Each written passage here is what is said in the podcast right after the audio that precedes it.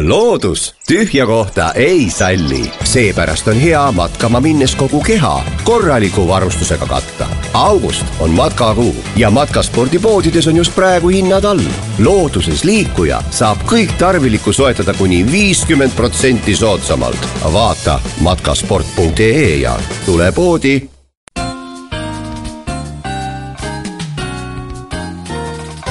pressiklubi tere, head kuulajad!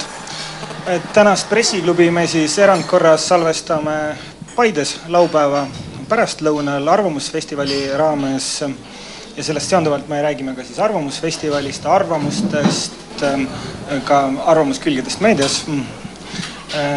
eetris on ajakirja Naised peatoimetaja Maana Paris, tere! tere! Postimehe ja Postimehe arvamustoimetusest Liisa Tagel, tere, tere.! Ja Urvo Eslas, tere! tere! ja saade, saadet juhib BNS-i ajakirjanik Huko Aaspõllu, et alustaks sellest, et äh, eile Ainar Ruussaar väga tabavalt, minu jaoks tabavalt ütles, et äh, et Arvamusfestival on justkui intelligentse inimese õllesummer. Et kas see on midagi sellist, mida, millega võiks nagu nõustuda, et kas see on intelligentse inimese õllesummer? ma defineeriks selle alustuseks ümber, kui tohiks. kujundid on toredad, aga kujunditesse on kerge kinni jääda. et ühel hetkel, kui sa hakkad kujundeid kasutama ülemäära, siis nad võtavad nii-öelda üle ja hakkavad määratlema edaspidi seda, mida sa asjast mõtled. ma ütleks mitte kui intelligentse inimese õllesummer, aga nagu intelligentse inimese Woodstock, kus tõepoolest väga erinevad seisukohad ja väga erinevad maailmavaated kohtuvad ja nad kõik saavad omavahel suurepäraselt läbi. aga kanepit on vähem?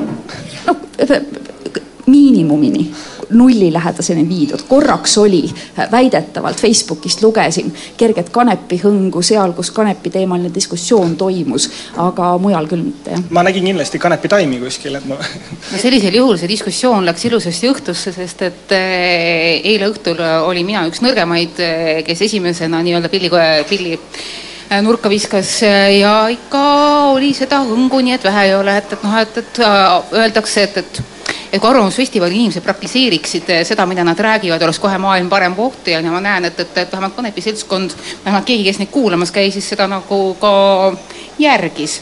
aga Arvamusfestivalil sel, sel aastal on päris palju olnud muigamisi see, et, et noh, kus kohas sina arvad siis et mis on nagu tegelikult tore ja see ei ole üldse mõeldud iroonilisena, et, et siin väga paljud, kes ringi liiguvad, ongi mingisugused arvajad ka ise.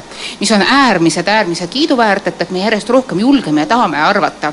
ja just nimelt naised julgevad ja tahavad arve, arvata, sest et on suhteliselt siiski vähe olnud paneele, muidugi võib-olla ma olen ise vähe ringi liikunud, kus ei oleks naisi, kus oleks ainult mehed. ja see minu meelest võrreldes eelmise aastaga tegelikult väga tore.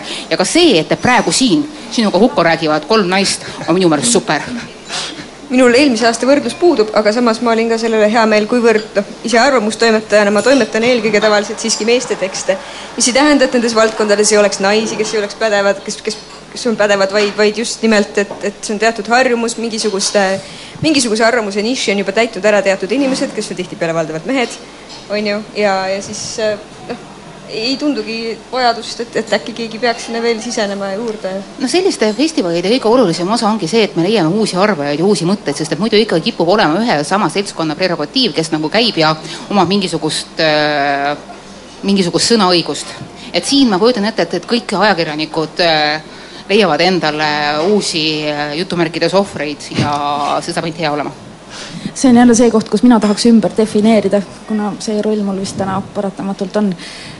mis mulle näib, on see, et, et Arvamusfestivali juures kõige olulisem või see, see, miks ta on tähtsam kui võib-olla mingisugused teised sündmused ja miks ta peaks jääma sellisena, nagu ta on, on see, et siin saavad kokku inimesed, kes muidu kiire kiire tööelu jooksul, jah, kiire tööelu ajal, võib-olla on ülemäära palju sellises keskkonnas kokku ei puutu.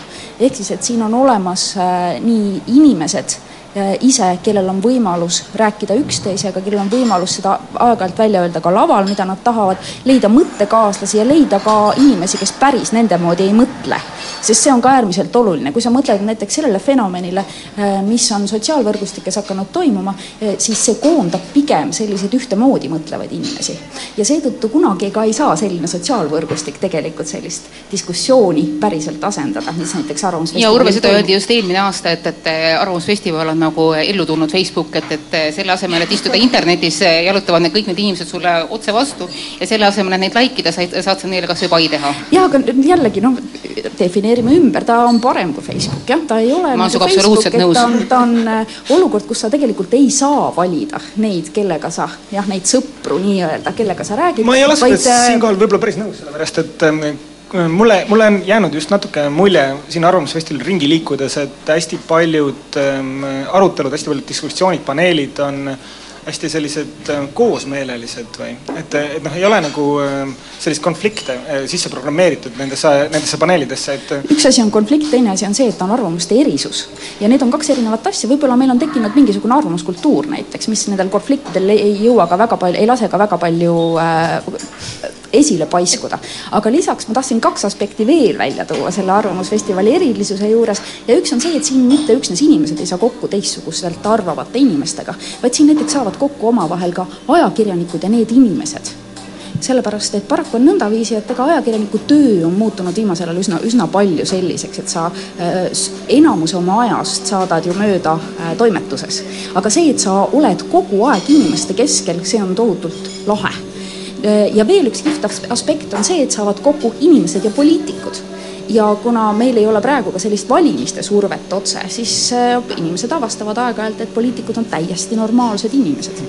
ja mis on veel oluline aspekt, on see, et äh, saavad kokku ka ajakirjanikud ja poliitikud. ja nemad saavad ka omavahel rääkida asju, mida nad võib-olla töö kontekstis üldse rääkida ei saakski. aga noh, siin oleme tagasi sellel õllesummeri võrdlusel, eks ole, et inimesed käivad ringi ja räägivad omavahel juttu ja Woodstock, Woodstock no,. või Woodstock siis, kui sa soovid. jah, sest õlut on siin suhteliselt vähe. väga no. leiab.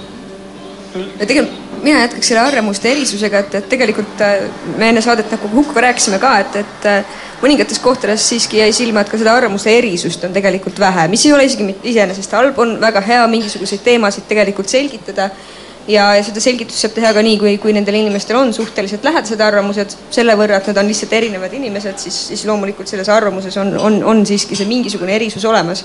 aga, aga jah konflikt sealjuures ei pea olema see, mis, mis arvam-, nagu head arvamuskultuuri eirab, et konflikt võib olla tegelikult ju ka täiesti head tava austavalt nagu välja mängitud. et seda on, on siiski suhteliselt vähe. suurepärane näide sellest, mismoodi kaks täiesti erinevat arvamust võivad saada kokku just Arvamusfestivalil äh,, oli tänane pooleldi äh, eksprompt äh, arutelu, mis toimus äh, Ilmar Raagi ja Ahto Lobjaka vahel ERR-i äh, telgis ja tõepoolest see mõte et kaks inimest võiks lasta kokku Arvamusfestivalil, võiks lasta kokku eetris, äh, sündis siinsamas, see ei oleks kuskil mujal tõenäoliselt võinud sellisena sündida ja tehti siinsamas ka teoks. ja tulemus on suurepärane, kaks inimest said välja öelda omad seisukohad ja vaielda väga tuliselt äh, selle üle. Nii et järjekordne hea näide sellest, miks Arvamusfestival ma ise ei näinud seda arutelu, aga ja ma olen kuulnud, et see oli väga lõbus olnud, et äh, mulle endale isiklikult meeldib, kui Äh, vastandlikud arvamused saavad omavahel vaielda, sellepärast et ähm, rääkida oma mõttekaaslastega mm, noh, sellist juttu, mida teised sinult äh, poole sõna pealt juba mõistavad, saavad aru, mida sa öelda tahad, et ähm, see noh, vähemalt mind ennast ei aita oma mõtteid lõpuni võib-olla välja mõelda või, või kaitsta neid või argumenteerida neid äh, inimesele, kes üldse nii ei arva et, et selles osas ma, mulle endale meeldib sellist nagu noh, konflikti võib-olla rohkem näha või, või tunnetada ja, ja seda on huvitavam jälgida ka mulle endale selles mõttes. ja äh, võib-olla selle tõttu mulle tundub, et, et natuke, natuke nagu ümmargune on kohati, kohati.. me oleme ümmargune rahvas, me ei ole konfliktialdis rahvas. et, et me võime öelda küll, et, et tahaks hirmsasti verd saada, aga ega seda verd nagu väga palju ei tule ja noh, nagu äh, Urve ütles, siis tõesti õllesummer siin ei ole. et, et ei ole ka siis äh, seda nii-öelda halvas mõttes ässitajat. no aga ässitamine on kõigi äh, nende paneelide korraldajate endi kätes ju. ma mõtlesin Kes... alkoholi ah et, et siin on kogu, minu arust Arvamusfestivali üks paremaid asju ongi see, et, et kogu see arutelu tahab jääda siiski suhteliselt kultuurseks ja ja paratamatult on niimoodi, et kui sa paned kaks väga vastandlikku arvamustega eestlast, mõistlikku eestlast, intelligentset inimest, paned nad ühe laua äärde vestlema, siis ka väga diametraalselt erinevate positsioonidega inimesed, kui nad on vähegi nii-öelda edumeelsed või tulevikku vaatavad või siis äh, nad tahavad äh, midagi kasvatada, midagi luua, siis varem või hiljem nad leiavad selle koha, kus kohas nende arvamused äh, ühtivad, vähemalt mingisuguses kohas, ja kus kohas nad saavad mõlema arvamusi hinnates minna edasi, nii et, et noh, ma olen selliseid edasimineku platvorme päris mitu näinud. hästi, aga siinkohal me teeme väikese pausi, kuulame reklaami ja siis tuleme tagasi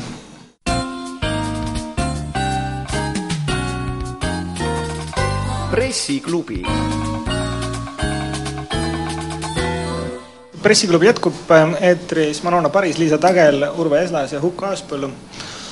et kui me nüüd äh, siin esimeses äh, veerandis rääkisime natukene äh, Arvamusfestivali muljetest, kui nii-öelda, et kuidas meile tundub, et Arvamusfestivalil olla on ja kuidas see see aasta tundub, ilm on erakordselt ilus olnud.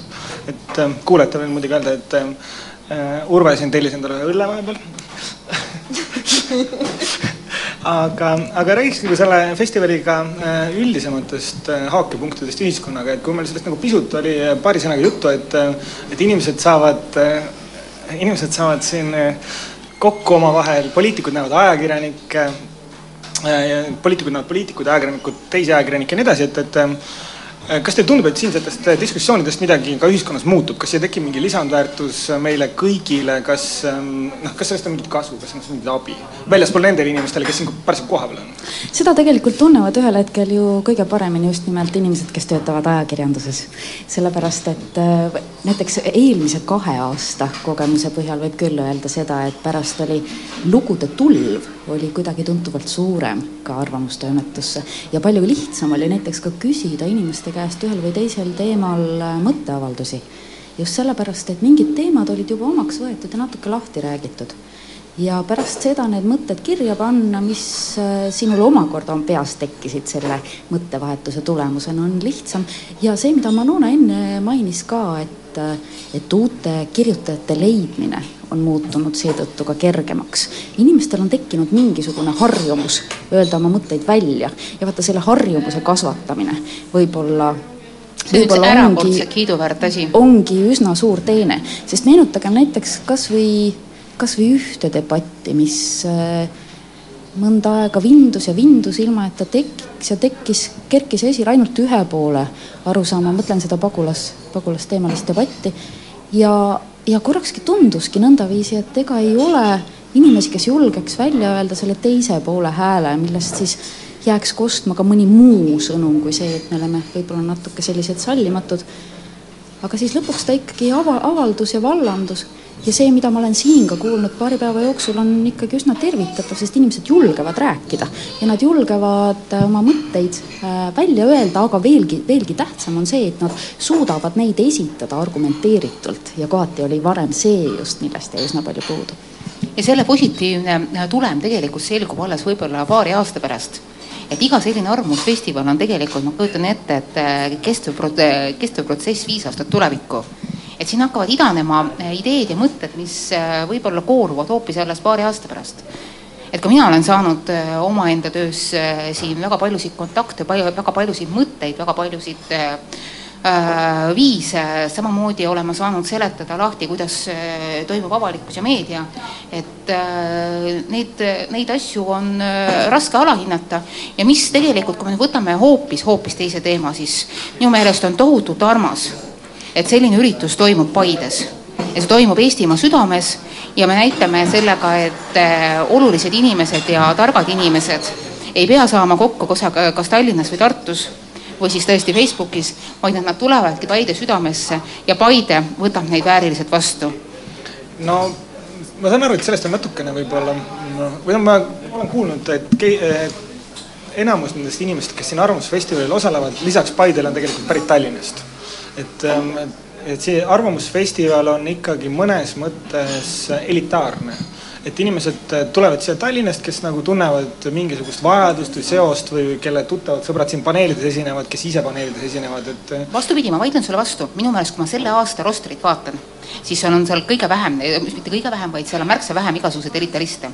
seal on, meil on tohutult palju erinevaid lavasid, kus võtavad sõna inimesed, kes ei ole laiemale mingisugusele nii-öelda jutumärkides Eesti eliidile tuntud et äh, see arvamusjulgus on läinud sellest meie nii-öelda eliidist ammu, ammu suuremaks ja üks äh, näide ongi see tänavune Arvamusfestival, mis võtab äh, praktiliselt terve Paide kesklinna enda alla.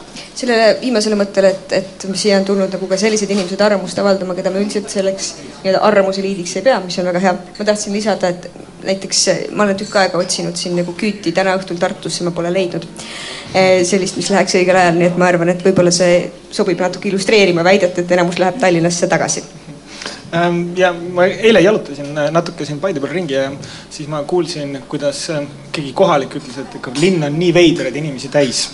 et äh, mis ka võib-olla natuke seda illustreerib, aga ähm, kõik meediaväljaanded on tegelikult seda Arvamusfestivali väga tugevalt kajastanud, et ähm, see on, sellest Arvamusfestivalist on väga palju lugusid tehtud, videosid, ülekandeid eh, ja muud sellist, aga noh, kuivõrd mulle eh, isiklikult ei ole lugejanumbrid väga kättesaadavad, et siis ma kasutan sellist äh, noh, proxy't või, või ümberkaudset äh, hinnangut sellele, kui palju see läheb äh, meedia no, online'i lugejatele korda, ehk siis kommentaar, kommentaaride numbrid. ja need kommentaaride numbrid Arvamusfestivali lugudel on olnud võrdlemisi madalad, äh, mistõttu noh.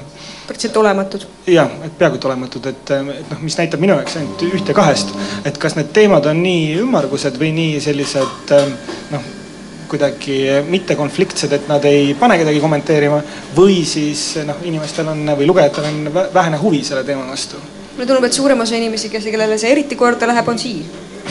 Ma arvan, et, tegelikult küsimus on ka selles, et, et lugu, loo kommentaariumi, tähendab lugude, loo kommentaari arv tegelikult ei näita loetavust.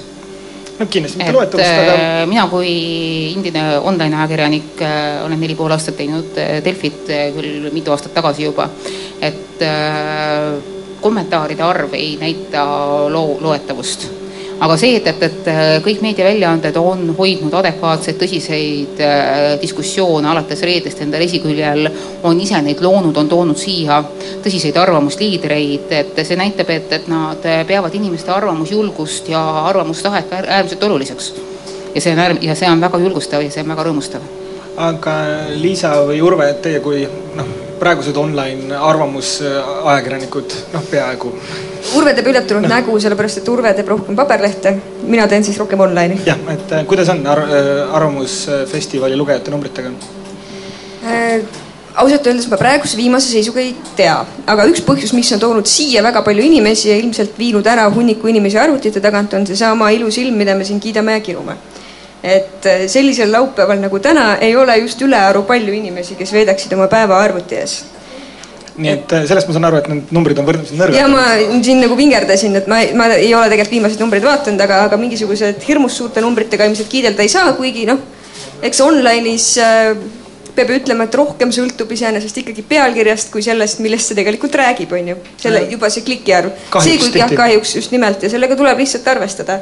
et kui sa tahad äh, ikkagi head lugu inimestele niimoodi kohale toimetada, siis peab sellel olema ka pealkiri, mille peale nad klikivad et see, kui kaua nad seal aega veedavad, on iseasi.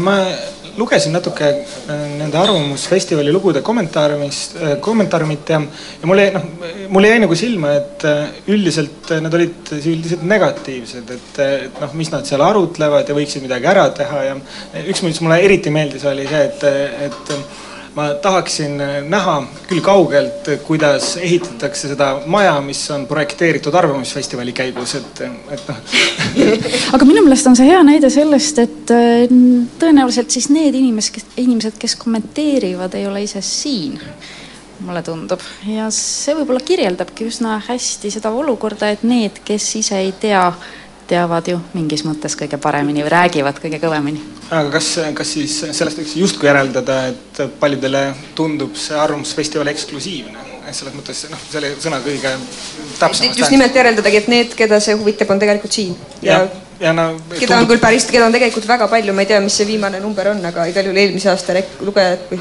lugejate ja külastajate hulk on, on üle löödud, et need on siin noh, tuhandeid ja tuhandeid inimesi. kuskil umbes viis tuhat võib-olla no., rohkem on käinud läbi, sest räägiti prognoosist neli tuhat. üle nelja tuhande läks kindlasti nüüd üle eile. tänane päev tuleb ka sinna ilmselgelt otsa, aga noh, see eksklusiivsus on ju ometigi midagi, millega peaks justkui tege-, tegelema või? kui tahaks, et see Arvamusfestival läheks inimestele rohkem korda, et, et ja mis ongi ju tegelikult Arvamusfestivali üks eesmärke, on näidata, arvamuse avaldamine ja ja selline diskussioon ei ole midagi eksklusiivset, mis peaks toimuma kuskil, kuskil, kus keegi ei osale, et, et on keegi, kes arvab, keegi, keda on alati nähtud arvamas ja nüüd ta arvab edasi, et, et siit ju peaks tulema just nimelt vastupidine sõnum, aga kas äkki siis tõesti ei tulegi tegelikult? minu meelest on siin üks aspekt veel, on see, et äh, alati peab jääma selline võimalus mitte arvata. Äh, ja mõelda nüüd nõndaviisi, et, et Arvamusfestival peaks minema massidesse, et tõepoolest, et siit käiks läbi veel ja veel rohkem inimesi, kes kõik muudkui arvaks ja arvaks, et see peaaegu muutub selliseks surveks või või noh, mingis, mingisuguseks selliseks, selliseks ühiskondlikuks leebeks pressinguks. ma arvan, et see ei ole hea mõte. ole vabadus, vabadus valida, aga mitte öelda oma arvamust, on demokraatliku ühiskonna juures äärmiselt oluline asi no see aasta üritati väga palju publikut kaasata debattidel, kus ma olen osalenud, see väga hästi just ei ole õnnestunud. et äh, me oleme eestlased, mis on, see on rahvas, kes hindab kõrgelt võimalust mitte arvata õigemini mitte väljendada seda, arvame me kõik mina just lõpetasin debati, kus kohas ma äh, nii-öelda väitlesin või siis istusin ühes paneelis koos äh, kahe teadlasega. Ja minu suureks üllatuseks tuli sinna päris korralik äh, hulk rahva, rahvast, ehk siis kõik need tooliread said täis. Ja seal ikka kasutasid inimesed väga kenasti võimalust, et arvata üht koma teist teaduse, personaalmeditsiini ja ajakirjanduse käitumise kohta nii et, et tuli tegelikult kokku päris äh, huvitav arutelu ja jõudsime isegi täiesti praktiliste konstruktiivsete lahendusteni ähm,. hästi, aga teeme siinkohal väikese pausi, kuulame ära uudised ja tuleme siis tagasi.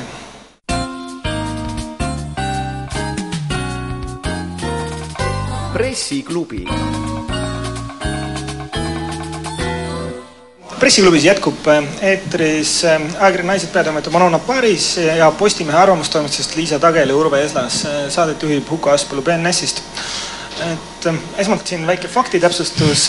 Urve palus mulle öelda, et tema ei joo siin üksinda õlut, et ka Liisa, Liisa on õlle joonud või õlle Urve vaatab kurjalt enda õllekannu. jah, et ja Urvo palus veel öelda, et Liisa on sellest äh, võtnud rohkem, kui tema on jõudnud. kas see on see koht, kus ma ütlen, et, et äh, Urve koos minuga tegelikult joob vett? no hästi. aitäh, Manona. aga kui me nüüd äh, esimeses pooltunnis rääkisime rohkem Arvamusfestivalist, et et räägiks siis võib-olla nüüd teises rohkem arvamustest ja äh, arvamustest meedias võib-olla, et mm, kas Facebooki ajastul, kus põhimõtteliselt on eh, igal inimesel võimalik eh, avalikustada oma arvamus nii hästi või halvasti, kui ta seda tahab, nii suurele hulgale inimestele, kui ta seda täpselt tahab, eh, üldse nagu mingit vajadust sellise meedia arvamusartiklite järgi on? No need arvamusartiklid, mida ei, ei saa muidugi öelda, et Facebookis avaldatavad arvamusartiklid või niisugused kommentaarid oleks alati ainult nagu struktureerimata klahvidele sülitamine vaid äh, siiski on ka Facebookis on ju väga palju sisukaid arvamusi, aga tihtipeale on äh, meediasse saadetavad arvamuslood siiski need, kus on natukene nähtud vaeva oma mõtete struktureerimise ja kohale toimetamisega, mis muidugi alati ei ole tõsi, me näeme kõik ilmselt igasuguseid lugusid aga no., aga võiks öelda, et nagu meedia ja, ja Facebooki, siis meedia ja sotsiaalmeedia vahel toimub praegu selline ikkagi dialoog, et sümbioos jah, sümbioos, jah, sest meie korjame ju sotsiaalmeediast huvitavaid arvamusavaldusi või, või siis me korjame ka väga palju uudiseid, on ju, tegelikult sotsiaalmeedia vahendusel ja, ja samamoodi meie siis, äh, meil avaldatavale reageerib sotsiaalmeedias inimene minu meelest on siin üks ikkagi veidike põhimõtteline erinevus ja see on auditoorium. ja kui inimene kirjutab oma loo või ta kirjutab oma mõtteavalduse, siis ta ju vä-, äh, natukene siiski arvestab sellega, kellele see mõtteavaldus parajasti on mõeldud. Äh, ja nagu ennist oli juttu, üks selline sotsiaalmeedia fenomen tavaliselt on just nimelt, mida välja tuuakse tavaliselt, on just nimelt see, et seal sa suudad valida üsna äh, sellise auditooriumi välja, kes on sinule sarnaste vaadetega, kui sa just põhimõtteliselt ei tee oma auditooriumi väga eripalgeliseks, nagu näiteks mina olen teinud. Aga, aga enamasti jah, inimeste puhul on see just nimelt see, et sinu auditoorium on sinu moodi mõtlevad inimesed siis kui sa lähed tõepoolest, ütleme, lehte oma looga, siis sa arvestad juba sellega, et auditoorium on väga eripalgeline. ja see omakorda seab loole hoopis teised nõudmised. et selle, see, seetõttu mulle näib, et neid kahte asja siiski päriselt võrrelda vist, vist päriselt ei saa. aga ma ei ole kindel, et see on otseselt ähm, parem, et inimene kirjutab oma loo ümmargusemaks, selleks, et see lehte läheb ja on vaja väga mitmetahulisele auditooriumile, auditooriumile söö, söödav olla, et, et pigem on mõnes mõttes hästi tore, kui äh, mõte on puhas. aga miks sa, just nimelt, siin ei ole midagi pistmist ei ümmargusemaks olemisega ega ka söödavamaks olemisega, mulle tundub, sa räägid õunast. me räägime siiski endiselt arvamusloost, need on ikkagi kaks üsna erinevat Need õunaomadused tegelikult on siiski ka olemas et noh, pigem on see, et kui inimene kirjutab äh, oma arvamusloo äh, nii-öelda meediaväljaande jaoks, siis äh, see eeldab tema jaoks vähemalt vähemalt mingit kahte-kolme sammu äh, oma või potentsiaalsete kriitikute vaigistamiseks ja enda rohkem seletamiseks, sest et oma, omaenda semude keskel, kes talle ainult patsi löövad, ei pea ennast niivõrd palju seletama ja võib-olla tänu sellele, et ta peab ennast siis nüüd seletama natukene võib-olla ignorantsemale ja vihameelsema auditooriumile, aitab talle omaenda sõnumit tegelikult paremini äh, sõnastada ja, ja selles äh, rohkem arusaamisele jõuda. et, et niisugune äh, õpetus või noh, tähendab niisugune äh, omaenda idee formuleerimine äh, arvamusartikli näol, kui sul on hea mõte, sellest saab su mõte ainult võita. Siin on minu meelest üks huvitav aspekt veel. Ja see on see, et kas te panite tähele, kuidas hakkasid muutuma arvamuslood pärast seda, kui tekkis internetis kommentaar, kommenteerimisvõimalus nad ei muutunud mitte ümma-, võib-olla mõned muutusid ka ümmargusemaks tõepoolest ja niisuguseks õunalaadseks, aga üks huvitav aspekt, mis, mis tekkis arvamuslugude juures äh, toona, oli see, et nad muutusid iseendaga diskuteerivaks. ma seletan kohe lahti, ehk siis, et sa ei piirdu mitte väite toomisega ega selle tõestamisega, vaid sa püüad juba leida ka vastuväiteid ja juba neid vastuväiteid omakorda ka püüda ümber lükata. ehk siis need tekstid muutusid kihilisemaks ja minu meelest seetõttu ka sisulisemaks ehk siis, et, et ei jäädud enam ühe seisukoha väljatoomise juurde äh, ja siis selle tõestamise juurde, vaid juba ka erinevad vastuväited toodi välja, erinevad aspektid vastuväidetes ja püüti need omakorda ümber lükata, mis minu meelest on, äh, tegi arvamuslood tegelikult tunduvalt paremaks no need, need arvamuslood, mis alles jäid, ma saan aru ka, et kommentaariumite avamise peale mõned inimesed otsustasid mitte rohkem kirjutada arvamuslugusid. ja seesama ette, seesama astmelisus äh, käib kokku tegelikult teatud ettevaatlikkusega. nojah, et ähm, aga see on omakorda huvitav fenomen ja see on üsna pikk teema nüüd, ma ei tea, kas me tahame selle juurde minna, sest see ilmselt võtaks kogu ülejäänud saateaja. aga seda on, seda on, seda on üsna hästi lahanud äh, üsna mitmed meediateoreetikud meie oma kodumaistest. Äh, Daniel Vaarik, kes kirjutas Väikse trolliküti käsiraamatu, mis siis põhimõtteliselt toobki välja selle fenomeni, et kui äh, kommentaariumites äh, satuvad mingid seisukohad üsna tugeva rünnaku alla, siis selle tulemus võib olla see, et teatud hulk inimesi või teatud hulk seisukohti, mis kaitsevad üht või teist posi-, positsiooni, lõigatakse kogu diskussioonist tulevikus lihtsalt välja, mis omakorda ei tule mitte kuidagi kasuks sellele, et oleks esiteks lugejaskonnal teadmised selle kohta, mille alusel diskussiooni üldse pidada, ja teiseks, neil ei ole ka siis nii-öelda teiste poolte äh, argumente selle kohta, mis tähendab, et see kokkuvõttes jah, nõrgestab üsna selgelt meie ühiskondlikku diskussiooni ja see on minu meelest ka probleem. ja see, et ma tõin nüüd välja selle ühe aspekti kommentaariumite juures, mis on tulnud arvamuslugudele kasuks, ei tähenda absoluutselt mitte seda, et neil ei oleks väga palju negatiivseid aspekte. lihtsalt see on üks asi, mis minu, mille, mis minu meelest muutis seda viisi, kuidas arvamuslugusid kirjutatakse üsna palju. hästi, aga aga tuleks korra tagasi selle sotsiaalmeedia võrdluse juurde. et äh, sotsiaalmeedia on ütlemata demokraatlikum tegelikult ju lugude valikul, kui seda saab ükskõik milline meediaväljaanne olla, sellepärast et ähm, ma ja siinkohal ma ei hakka üldse nagu ütlema seda, et kas te praagite mõne asja välja või mitte, vaid ähm, suurel hulgal inimestel ei ole absoluutselt isegi seda tunnet, et võiks lehte arvamusloo kirjutada ju.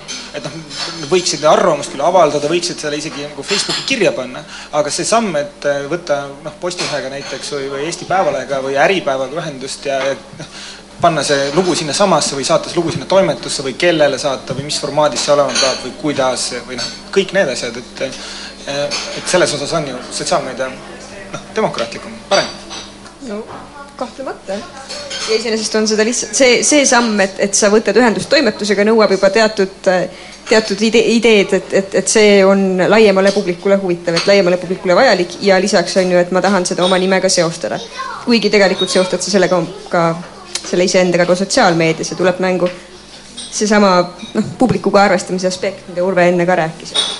aga siin on võib-olla see olukord, äh, olukord või koht, kus äh, arvamustoimetused ja, ja meediaväljaanded peaksid tegelikult julgustama selle kohta, et ma ei ole nagu näinud mingisugust suuremat kampaaniat, et et hei, hei, et kui teil on äh, igasuguseid mõtteid, et saatke meile, kirjutage. meil on äh, iga nädal päris tükk aega juba olemas lugejate üleskutsed üleskutsed lugejatele siis äh, mingisugusel teemal arvamuse avaldamiseks. loomulikult teema on siis mingisugune hetkel päevakajaline teema üles korjatud ja, ja esitatud mõned küsimused sel teemal ja, ja kutsutud üles arvama. ja, ja noh, iga nädal võib-olla lisandub uus teema, aga, aga need näiteks praeguses arvamusportaalis on, on need üleskutsed ka täiesti nähtaval tükk aega. et me üritame tõesti, seda teha. on igal pool tegelikult, kui sa võtad Delfi esilehe lahti, siis on iga artikli juures on pisikene punane kiri avalda arvamust, avalda arvamust mm.. mingisugune hetk tekib trots, et, et noh, et äkki ma ei taha selle teemal arvamust avaldada.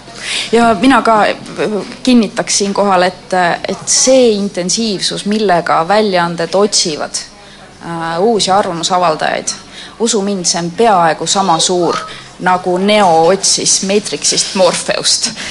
või Pipi otsis punki ei, me kõik tahaksime neid, neid äh, häid spungi, äh, spungikesi oleks rohkem ja me kõik tahaksime, et, et äh, oleks kogu see valdkond tasakaalustatum, et, et ei kirjutaks kogu aeg ühed ja samad inimesed ja ei kirjutaks peamiselt ainult mehed. et ka naised leiaksid selle sule üles selle asemel, et, et nutta, et mikspärast ükski naine kirjutada ei taha, kellikesed, palun võtke paber, pliiats, arvuti, mida iganes ja pange mõte teele. jah, absoluutselt sipub ka. ja see on täiesti oodatud ka Postimehe arvamusportaali, väga. Hästi. Ähm,, täna hommikul me ähm, siinsamas BNS-i, laupäeva hommikul siis BNS-i pressikohvikus Paides ähm, tegime väikest meediaülevaadet ja mm, äh, BNS-i siis äh, juhataja Annar Sammast ütles mulle, et tema jälgib hästi pingsalt Soome meediat, ta on seda aasta, aastaid teinud juba ja tema, tema hinnangul on Eesti need arvamusküljed, Eesti arvamuslood oluliselt paremad, kui seda Soomes on olnud ja juba aastaid paremad olnud. ta siin on samas ka, võime talle lepitada, aga ähm, aga mis, noh, kuidas teile endale tundub, et ähm, ma ei tea, kui te tegelete näiteks arvamustega, et ja kui te teete võrdlust äh, Eesti meedia ja teiste, teiste lähiriikide meedia osas, et kuidas see Eesti, Eesti arvamusküljed äh, ja arvamused äh, tunduvad siis, et äh, kas see on hea või? tead, ma oskan sulle tuua ühe, äh, ühe näite. ilmselt Manona oskab tuua teise külje pealt ja Liisa ilmselt veel kolmanda pealt, aga aga üks kogemus mul on sellega, et, et vaata, Postimehel on ju olemas lepingud erinevate teiste väljaannete arvamuslugude avaldamiseks siis välismaiste väljaannete arvamuslugude avaldamiseks. ja tekkis üks hetk, kus me avastasime ja see, see oli siis Ukraina sõja puhkedes kui Venemaa tungis Ukrainasse, siis me ühel hetkel avastasime, et need analüüsid ja arvamuslood, mida pakutakse meile Venemaa, Ukraina äh,, Ida-Euroopa teemal äh,, need ei ole päris sellised, mida me sooviks avaldada väga lihtsal põhjusel nad ei saanud päris täpselt aru, mis toimub.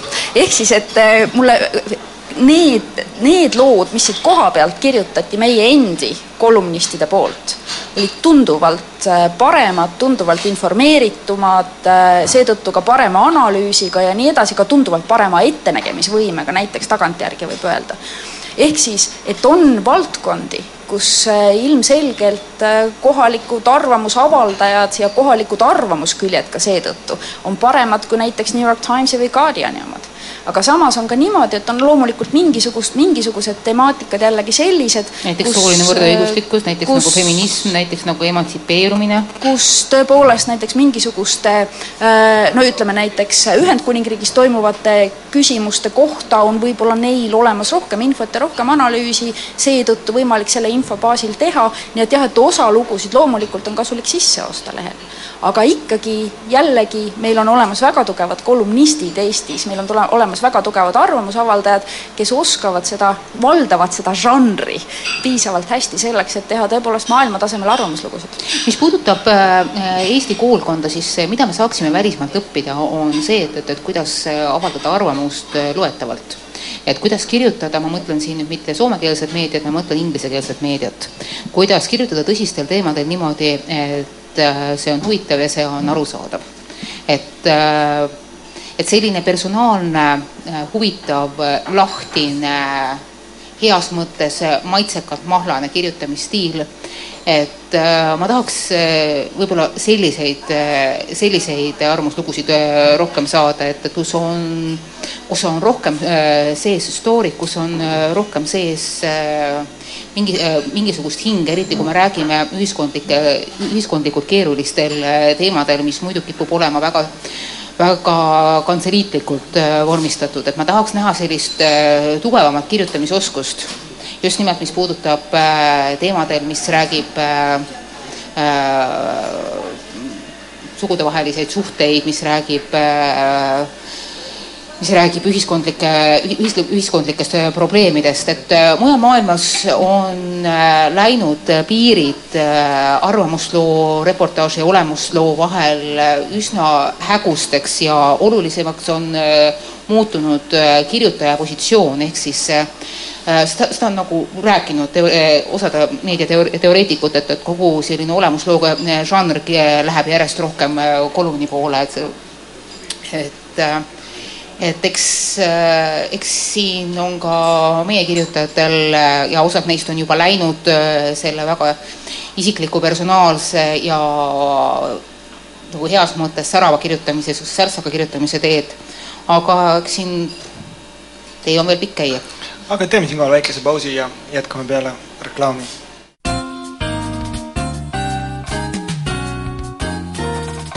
pressiklubi jätkame siis äh, pressiklubi saatega, eetris Manona Paris-Liisa Tagel, äh, Urve Eslas ja Huko Aaspõllu. et äh, rääkisin saate viimase veerandis natuke ka mm, sellise meedia arengust. et kui vaadata kirjutavat meediat näiteks täna Eestis, ähm, siis on noh, mõnevõrra selge, et, et see uudise osakaal, et see selline klassikaline uudis, kus, kus kajastatakse värsket sündmust sel hetkel, kui see toimib, on märgatavalt langenud et meile uudiste, uudiste kajastamiseks kasutatakse online'e, inimesed äh, otsivad online ides sellist värsket asja, sellist noh, noh, tõksu, et nüüd juhtus niisugune asi või äh, nüüd äh, toimus mingi asi ära. et ähm, kirjutavas meedias on aina enam seda, et ähm, et äh, üritatakse selgitada asju telgitaguseid või mingit pikemat analüüsi, mingisugust mõjusid graafikud, pildid, asjad, mis võtavad rohkem aega, aga mis on ka noh, sellised arvamuslikud.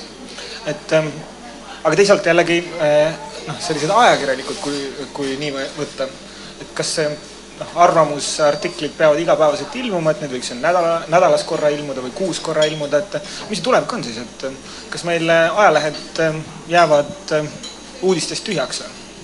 jäävadki ainult aja, arvamused ja hinnangud, kolumnid? paber, paber, paberi kohta. paber, paber. et mingisugune uudise osa vähemalt praegu kindlasti jääb sinna, sellepärast et me siiski, kui me lehte teeme, siis me arvestame ju ikkagi ka sellega, et kui pole tegu just nagu väga pikalt õhus olnud teemaga, kui me sellest kirjutame, peaks saama inimene siiski ka aru, mis, mis, mis on see punkt, millest me lähtume selle kirjutuse, miks me sellest üldse kirjutame, et mis, mis sündmus selle aluseks oli. aga samas loomulikult see, see, see uudise osa oh, ütleme, meil siin vahepeal seinal ilmus BNS-i uudis. Keskerakonna kuuluv Riigikogu liige Jaanus Karilaid on seisukohal, et Arvamusfestival ei lähe valitsusele korda. no valitsuse liikmed võib-olla on siis siin Karilaiu liiga vähe kohal, aga. järgmine ah,. aga jah. kas see on suurepärane BNS-i uudis, et, et Kuuma Raina hakkab juba lõppema? jah et väga head uudised ma, ma, ma arvan, et väga paljud eestlased ütlevad, et, et mis mõttes hakkab lõppema. aga ma arvan, et, et, et uudised kui sellised jäävad meie ellu vähemalt eh, järgmisteks aastateks, et, et et ja et uudise kui sellise edastamiseks ei ole võib-olla vanasti, varsti enam vaja niivõrd ajakirjanikku, kuivõrd äh, seda vahendajat ja ajakirjanik muutub just selleks, kes mõtestab selle uudise, kes annab sellele konteksti, kes annab sellele raamid Anna, sa ikkagi ütled, et äh, uudis muutub aina rohkem arvamuseks ma ei ütleks niimoodi, et ta muutub rohkem arvamuseks, ma pigem ütleks seda nõndaviisi, et uudisega tuleb teha rohkem tööd. ehk siis, kui inimene teeb paberlehe hommikul lahti, siis ta ei taha teada saada seda, et äh, koer hammustas inimest, vaid ta tahab teada saada seda näiteks, kas see koer oli marutaudis. tahab teada saada seda, kas marutaudis koeri on lähikonnas veel. tahab teada seda, näiteks seda, mida on teht-, võtnud ette see valitsus, keda, kes ei taha, ei pea Arvamusfestivali oluliseks, nagu me seinalt lugesime, mida on tema tei võtnud ette selleks, et äh, marutaudis-koerte arvu vähendada näiteks. ehk siis, et selleks on vaja teha uudisega natuke rohkem tööd, selleks et ta oleks lehes äh, ka loetav, jah, sest online'is ta ilmub just nimelt sellisena, et koer hammustas täna me näeme tihti, mida inimene, kes, keda marutaudis koer hammustas, arvab sellest asjast, et, et see osa on täitsa olemas. sa mõtled kommentaatoreid ei, aga noh, siiski, täna üritavad paberlehed katta ära mm, inimese vajaduse, kes kogu oma informatsiooni võiks tahta paberlehest kätte saada. ehk siis, et kui sa loeksid ainult paberlehte ilma selleta, et sa online'i korragi lahti teeksid või noh, sa ei peakski internetti kasutama, saaksid oma informatsiooni sealt kätte, mis on juhtunud, mis on olulised asjad, mis on vähem olulised asjad. aga noh, mulle küll tundub, et, et kui meil see põlvkond noh, kui nii võib öelda, pealt ära sureb, et, et siis puudub sellega nagu sisu seda niiviisi toota. või, või noh, kas üldse on sisu siis paberit toota? no ma ei oska nüüd öelda, ma arvan, et, et paber nüüd, nüüd kohe endale krematooriumi otsima ei hakka. et äh, minu enda arvamus on see, et, et online kindlasti muutub, muutub, peab muutuma tugevamaks ja et, et iga päeva esimene esmane äh, uudiste voog saab äh, saab äh, rahuldatud online'is ja et online'is võiks tegelikult ideaalmaailmas äh, noh, töötada kõige paremad ja äh, analüüsivamad ja löögijõulisemad ajakirjanikud, et äh, et sa saadki selle uudise kätte online'ist, kui sa näiteks äh, trolliga koju sõites või tööle sõites igavuse peletamiseks oma nutitelefoni näpid. või ka autoga, eks ole. no autoga palun ära näppida nutitelefoni, teeme nüüd selle ühe asja selgeks, kui sa sõidad ja kui sa ise roolis oled. roolis olles mitte, aga aga paber on ju tegelikult kolinud ka, ka nutiseadmesse, et, et paber on lihtsalt vahend, millest me praegu räägime ja praegu me armastame seostada paberi peal oleva lehega teatud omadusi. -hmm. aga see ei tähenda seda, et need omadused ei võiks eksisteerida kuskil mujal et, et infosse süvenemine või, või, või mingisugused kvaliteetsed lood, need võivad olla igal pool. ja just täpselt seesama asi, et meie paberleht on saadaval ka sellises versioonis, mida sa saad lugeda oma nutiseadmest, on ju. et äh, jah, et ta muutuks siin... samasugune efekt nagu Economist on praegu äh, üks maailma äh, maailma äh, tunnustatumaid äh, nädalaajakirju, kus kohas äh, ei ole tegelikult hinnas vahet, kas sa tellid selle Economist endale koju või nutiseadmesse. just nimelt aga üks huvitav asi minu meelest veel selle, selle online ja paberi vahekorra puhul on see, et et kas te ei ole tähele pannud, et tekst, kui see on online'is, siis ta justkui kaotab teatud kirjalikule tekstile omased tunnused ja hakkab käituma nagu suuline tekst. näiteks ta on muudetav. sest muidu me oleme ju harjunud sellega, et kui sul on mingi asi trükitud, siis see on justkui paigas ja kirjas ja seda enam muuta ei saa. aga seda, kui kiiresti näiteks on võimalik parandada ära vigu, äh, korrigeerida fakte, või uudis äh, maha võtta. uudis maha võtta, tuua juurde lisainformatsiooni, ehk siis kõik need asjad, mida me varem arvasime, et see juhtub siis, kui inimene räägib, jah, et ta saab järgmise lausega öelda selle uuesti ja täpsustada ja parandada, see kõik toimub praegu kirjaliku teksti puhul online'is. jah, aga siinkohal tegelikult hakkab meil saateaeg otsa saama, et ma tänan kõiki kuulajaid, ähm, tänan saatekülalisi mm, ja loodan, et, et see saade ei olnud siis väga lärmakas, hoolimata erakorralistest asjaoludest vähemalt lõpetame pulmadega, kus see on arvatavasti taustalt kuulda, et, et äh, arvamusi igasuguseid. ja Urve palub edasi öelda, et ta ei ole oma õlut eriti joonud. aitäh kõigile!